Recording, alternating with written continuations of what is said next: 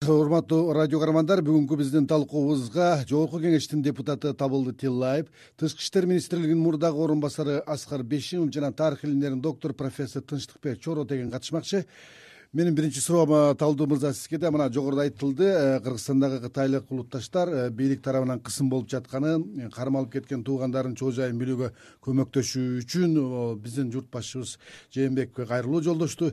Сиз айтсаңыз бул маселеге бул кыргыз бийлигинин кийлигишүүсү канчалык жөндүү башка өлкөнүн мындай ички ишине кийлигишүү болуп калбайбы деген да суроолор бар да? Деги эле эл аралык нормаларда бул маселе кандай чечилиш керек деп ойлойсуз?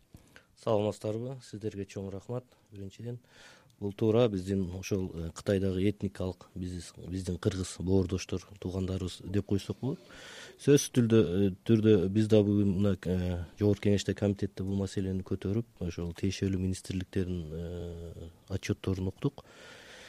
Туура айтасыз бул эми баягы дүйнөлүк деңгээлдеги уюмдардын негизинде баягы оонду да баардык жерлерде бул эң негизги кыргыз адам затынын баягы укугу да бул баардык ошон үчүн мен ойлойм э, баардык эле уюмдарга биз э, кайрылып э, ошол сурансак болот да. Ага биздин баардык мыйзамдар жол берет деп ойлойм.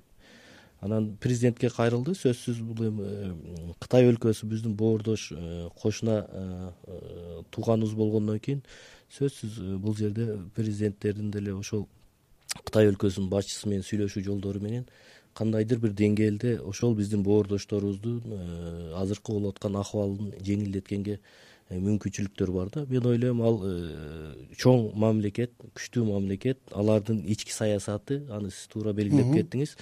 Ага биз аралашканга укугубуз да жок бирок адам укугу болгондон кийин биздин боордоштор болгондон кийин сөзсүз мамлекет болгондон кийин ал жерде кыргыз туугандар жөнүндө сөз болуп аткандан кийин сөзсүз биз бийлик э, кандайдыр бир сунуштар менен кайрылып ошол эле казакстан мамлекети деле ошол кытайга нота жөнөтүп ошол өзүнүн сөздөрүн айтып кээ бир э, жумуштар жүрө баштады деген э, сөздөр бар да. Рахмат аскар мырза бизди угуп атасызбы угуп атам угуп атам мына шинжандагы этникалык азчылыктарга байланыштуу маселе чыкканына бир бир жарым жылдын тегереги деген да маалыматтар бар мына кыргыздарга байланыштуу фактылар мына кече жакында күчтүү катуу айтылып атат. Сиз айтсаңыз бир ошондон бери ошол маалыматтарда э, белгилүү болгондон кийин кыргыз бийлиги э, мына үн катпаганын сиз кандай түшүнөсүз? Же бул дипломатиялык бир э, эле булга чейин бир ишараттарды кадамдарды жасаш керек беле? Эми сөзсүз түрдө биздин жогорку кеңештин депутаттары көтөргөн маселе абдан туура. Биздин боордошторубуз ал кытайда жашаганда эми бул маселе дипломатиялык катмада айтылганда э, биз э, кайдыгер болбостон сөзсүз түрдө бул кытай тарабына официалдуу түрдө кайрылып анан биздин э, ишенич жогорку деңгээлде бири бирибиз менен мамиле түзүлгөн дегенге таянып алардан официалдуу түрдө маалыматтар сураш керек. Эми бүгүнкү учурда европалык укук коргоочулар көп бул жөнүндө сөз айтылып атат. Баягы кайра тарбиялоо лагерлер ачылышы боюнча эми ошого карата азыр биринчи иретте биз такташ керекпиз ошо кытайга э, кайрылып. Талап кылбастан бул сураныч эмнеге дегенде биздин боордошторубуз деле ошол кытайдын жарандары. Андан сырткары биздин э, урумчиде төрт дипломатыбыз бар. Алардын дагы маалыматына таянып сөзсүз түрдө официалдуу түрдө жарыя кылыш керек тынчтык агай мына э, сиз э, жакшы билесиз э, кытайдагы кыргыздардын маданий ишмерлери илим илимий чөйрөсүнүн ири өкүлдөрү келип кыргызстан менен ушундай маданий илимий жаатында бир жакшы кызматташууларды эметип жатты эле өзүңүз да кызматташып кайра кайра ушу кытайга барып келип атасыз бул э, саясий шылтоо саясий бир э, лагерлер деп айтып атпайбы. Ошол ишмерлерде мүмкүн кайсы бир жерде саясий ката кетирип койдубу кыргызстанга келип же болбосо бир сөзүнөн жаңылдыбы же башка бир нерселер жүйөлөр болушу мүмкүн да? Сиз ушуну байкадыңыз беле мүмкүн. Абдан олуттуу маселени козгоп жатасыз. Бизде ошол адамдын тагдыры деген учурда э, эч кайдыгер болбошубуз керек. Жогорудагылардын баардык э, айткандарына э, мен толук кошулам. Бизде учурда ошол жалпы эле кытай элдик республикасында эки жүз эки миң кыргыз жашайт. Айрым булактарда жүз алтымыш миңдей эле деп атпайбы? Жок эки жүз эки миң деп ошо кытайлык болгондо да эки миң он алтынчы жылдагы маалымат боюнча ошондой эки жүз миңден ашык. Анын ичинен анан каймагы ошого жараша азыраак дагы болот да. Алардын ичинен атактуу дүйнөгө э, ушундай төбөсү көрүнгөн окумуштуулары ого бетер аз. Мына ошолордун ар биринин тагдыры бизди сөзсүз кайдыгере калтырбайт. Анын үстүндө алар э, ушунчалык Э, баягы эмне деп айтканды билген кишилер. Бул жакка келгенде кытай эл республикасы менен кыргыз жумуриятынын ортосундагы бир данакер көпүрө гана э, болгон сөздөрдү сүйлөп анан алардын өздөрү да дайыма террорчулукка каршы сүйлөп турушту бул э, биздин кыргызстанга келген учурда дагы. Демек менимче аларды Э, террорчулукка же исламдык бир террордук аракеттерге деген бир шылтоо менен кармаганга эч кандай жүйө жок да мына ошонун өзү саңыркатып атат. Анан бизден дал ошол жагын мамлекеттик бийлик тарабынан дагы коомчулуктун өзүнүн өкүлдөрү тарабынан дагы кайсы бир э, деңгээлде ошол кытай бийлигине чыгып ушуну э, ушу жагын карашын биз э, чын эле талап кылса жакшы болот эле дейбиз да. Себеби бул окумуштуулар алар Э, чынында да кытайдын бөлүнбөстүгүн дайыма э, баса белгилеп келишкен. Силер өзүнчө эгемен мамлекетсиңер. Биз өзүнчө мамлекетпиз. Бирок э, силердин эгемендигиңер үчүн биз өзүнчө кубанып жүрдүк деп алар ушундай мындай кыргызга ылым санаган сөздү айткан менен бир эле учурда алар кытайдын атуулу катары өзүнүн мамлекетине каршы эч бир мындай тескери сөз сүйлөгөн эмес да. Мына ушунусун сөзсүз эске алыш керек.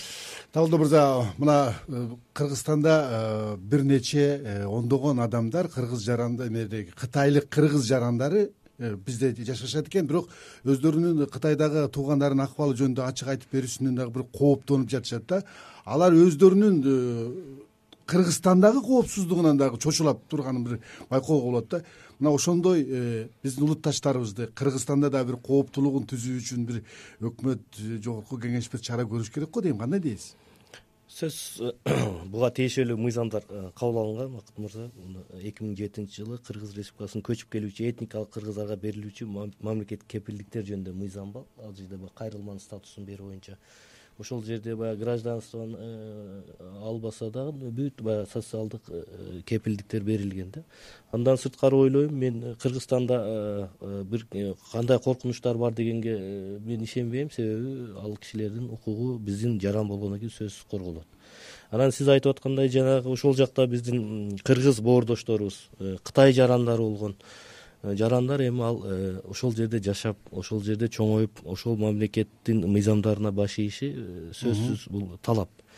Андан кийин биз айттык жана укуктук моралдык жана гумандуулук жагынан алганда мына агай да айтып кетти ошол кээ бир маселелер ал жакта бир терроризм маселеси көтөрүлүп келеатат ошондой эле баягы мусулмандарга болгон маселе диний маселелер ошондой эле ошол мамлекеттин идеологиясы кандайдыр бир иштеп чыккан идеологиясынын негизинде ошол тарбия тарбиялоочу лагерьлер ачылып же бир э, кандайдыр бир түрмөлөр ачылып атат дейт.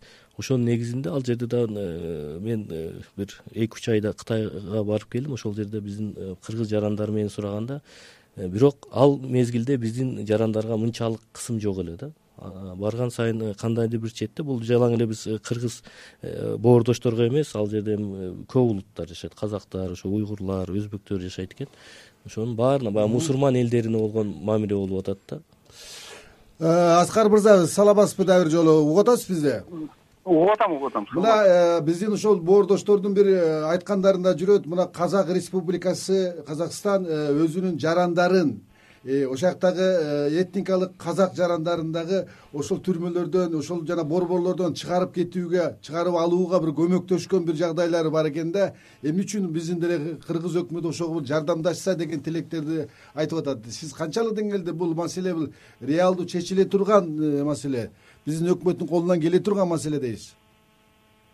Бул абдан реалдуу эле нерсе. Менин билишим боюнча баягы кайра тарбиялоочу лагерьлер активдүү иштегенде мына былтыры апрелден баштаган эки миң он жетинчи жылдан бери. Андан кийин мына казак тарап канча э, талап эмес сураныч кылып сураныч жолдоп официалдуу түрдө сүйлөшүүлөрдү өткөзүп ал тургай алар өзүнчө бир комиссия түзүп ошо урумчиге барып кытайлар алардын өзүнүн позициясын официалдуу түрдө түшүндүрүшкөн. Биз деле ошол кадамга барыш керекпиз биз деле алар менен официалдуу түрдө сүйлөшүп бул канчалык чындыкка бул шылтообу бул же чын эле алардын өзүнүн ички саясатыбы бул жалаң эле баягы ислам диний э, күрөшүүбү же жалпысынан эле алардын ушу саясаты ошондо. Эмнеге дегенде кытай тараптан биз май айында э, президентибиз расмий сапар менен барып алар менен сүйлөшүп ушул диний экстремизм сепаратизм терроризмге биргеликте күрөшөбүз деп ошол жерде келишимдерге кол коюлган. Ошого тараптуу мен айтып атам дагы бир баса берилди. Биринчи иретте кытайдын официалдуу түрдүү позициясын угуш керек. Анан ошого карата анан калган кадамдарыбызды кылыш керек э, тынчтык мына э, саясий тарбиялоо борборлору дегенде көп сөз болуп атпайбы. Сиз бул эмне деген борборлор эмнеге тарбиялап атат? Ал бир э, жагдай кандай абал кандай маалымат барбы сизде мен ошо массалык маалымат каражаттары боюнча гана алардан эми өзүң көрбөгөндөн кийин айткан нерселер да өтө кызык бирок тарыхый тажрыйба деген дагы бар эмеспи. Сөз айта кетейин бул жалаң гана мусулман калктары үчүн эмес. Кээ бир тибеттик э, монгол жана башка кайсы бир деңгээлде баягы чордондук кытай бийлиги жикчилик үчүн аракет кылып атат деген диндери башка кээ бир элдердин өкүлдөрүнө карата дагы ушундай э, мамилелер болуп келгендигин биринчи э, бул тибетте болгондугун мен буга чейинки маалыматтардан билчүмүн да. Демек жалаң эле мусулмандарды куугунтуктап атат деп эч качан айтпаш керек да. Бул жерде кытайдын чордондук саясатына каршы чыккан диний же башка ар кандай мүнөздү алабы саясий мүнөздү алабы ошондойлорду куугунтуктоо аракеттери болуп жатат да. Бул алардын ички маселеси дейли бирок экинчи жагынан ошол куугунтуктоого бекер эле илинип жаткандар да болушу мүмкүн да. Мисалы үчүн биз ден сяопендин кызынын өз атасы жөнүндө чыгармасын кыргыз тилинде которгонбуз орус тилинен да эсенбай нурушев агайлар болуп туруп Э, абдулла пазылов агайлар болуп. Ошондо э, бир миң тогуз жүз алтымыш алтынчы жетимиш алтынчы жылдардагы өтө оор окуя маданий инкылап окуясы көрсөтүлөт. Анда дагы тарбиялоочу жакка айдадык деп көрсөткөн дагы бул дээрлик э, түрмө сталиндик түрмө болчу да. Азыр тарбиялоочу жакка айдадык деген бул мисалы үчүн кесиптик техникалык окуу жайга жиберди же профессионалдык жактан өзүнүн кесипкөйлүгүн арттыруу үчүн жана фпк деп койчу илгери. Ошол сыяктуу э, партиялык мектепке жиберди деген нерсе эмес. Бул э, өзүнчө баягы э, спутник жасалма жандоочу аркылуу тартылганда кээ бир шаар кыштактын жанында өзүнчө эле бир чоң бир кармоочу жайлар болуп калып атпыр да мына ошонун өзү чын эле батыштагы маалыматтар алар тынчсызданууну туудуруп атат.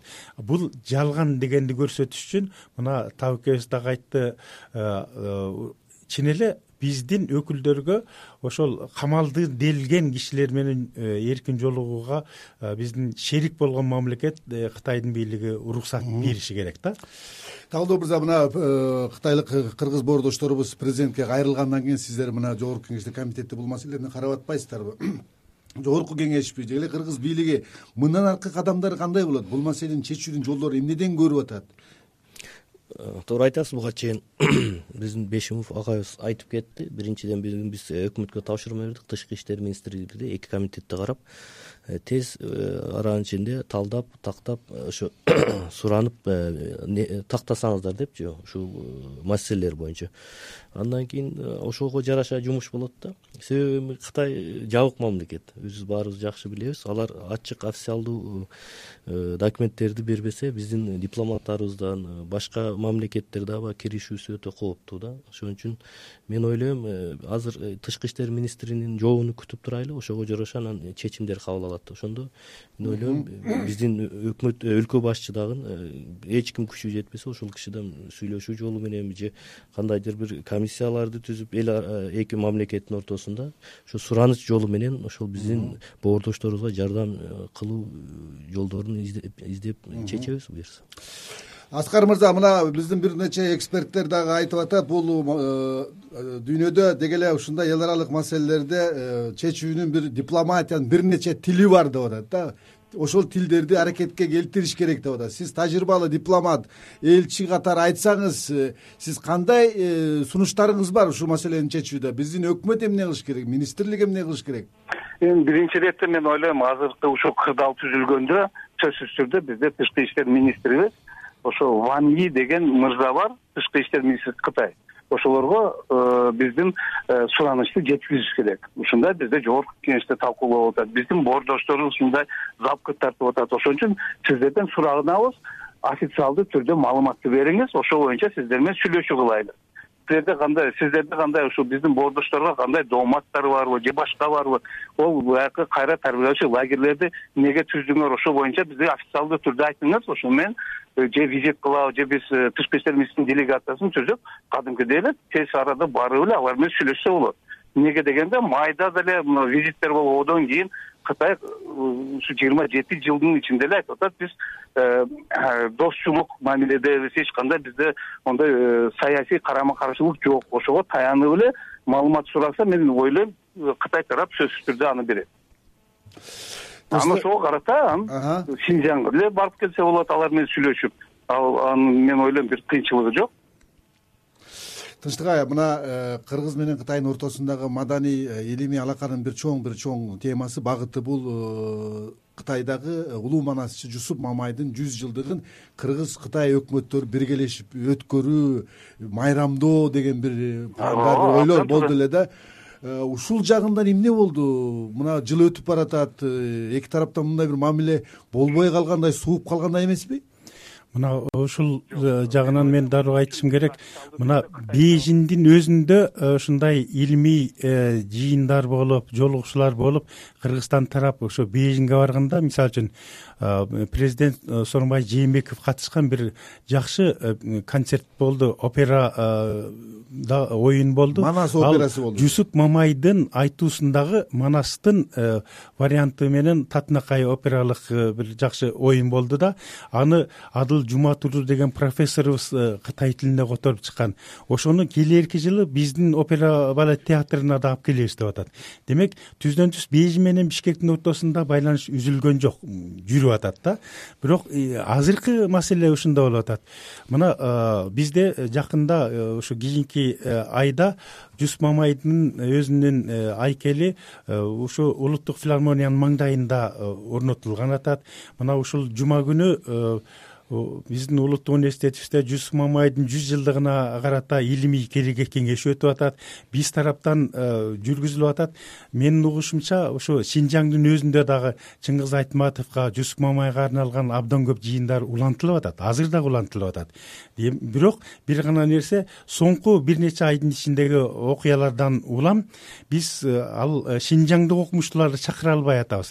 Бейжиңден кыргызстанга келип атат шинжаңдан келбей атат ошон үчүн биз ошо бейжиң аркылуу шинжаңдагы эң мыкты төбөсү көрүнгөн кыргыздын айдыңдарын манасчыларын э, манас таануучуларын баардыгын э, бишкекке э, мурдагыдай эле чакырып турууга жетишибиз керек да бул көпүрөнү эч качан үзбөшүбүз керек эсептейм далдоо мырза мына биз кытайдын негизги инвестор катары сезебиз экономикалык бир топ долбоорлорубуз ишке ашып атат бирок ошонун баардыгы чуулгандуу окуялар менен да коштолуп атпайбы коррупция менен байланышкан депчи ушул экономикалык инвестициялык долбоорлор биздин саясий же болбосо маданий алакаларыбызга жалпы мындай таасирин көлөкөсүн тийгизген жокпу мен ойлойм тийгизбейт э, ачык айтыш керек э, кытай мамлекети кыргыз элине кыргыз мамлекетине баягы өзгөчө мамиле кылат да. Себеби биз э, көп мына биздин президентибиздин барган ис сапарында да андан башка да мына экономикага тийиштүү баягы көп бизнес проекттер дейбиз мамлекеттик проектилерде кытайдын бизге берген жардамы дагы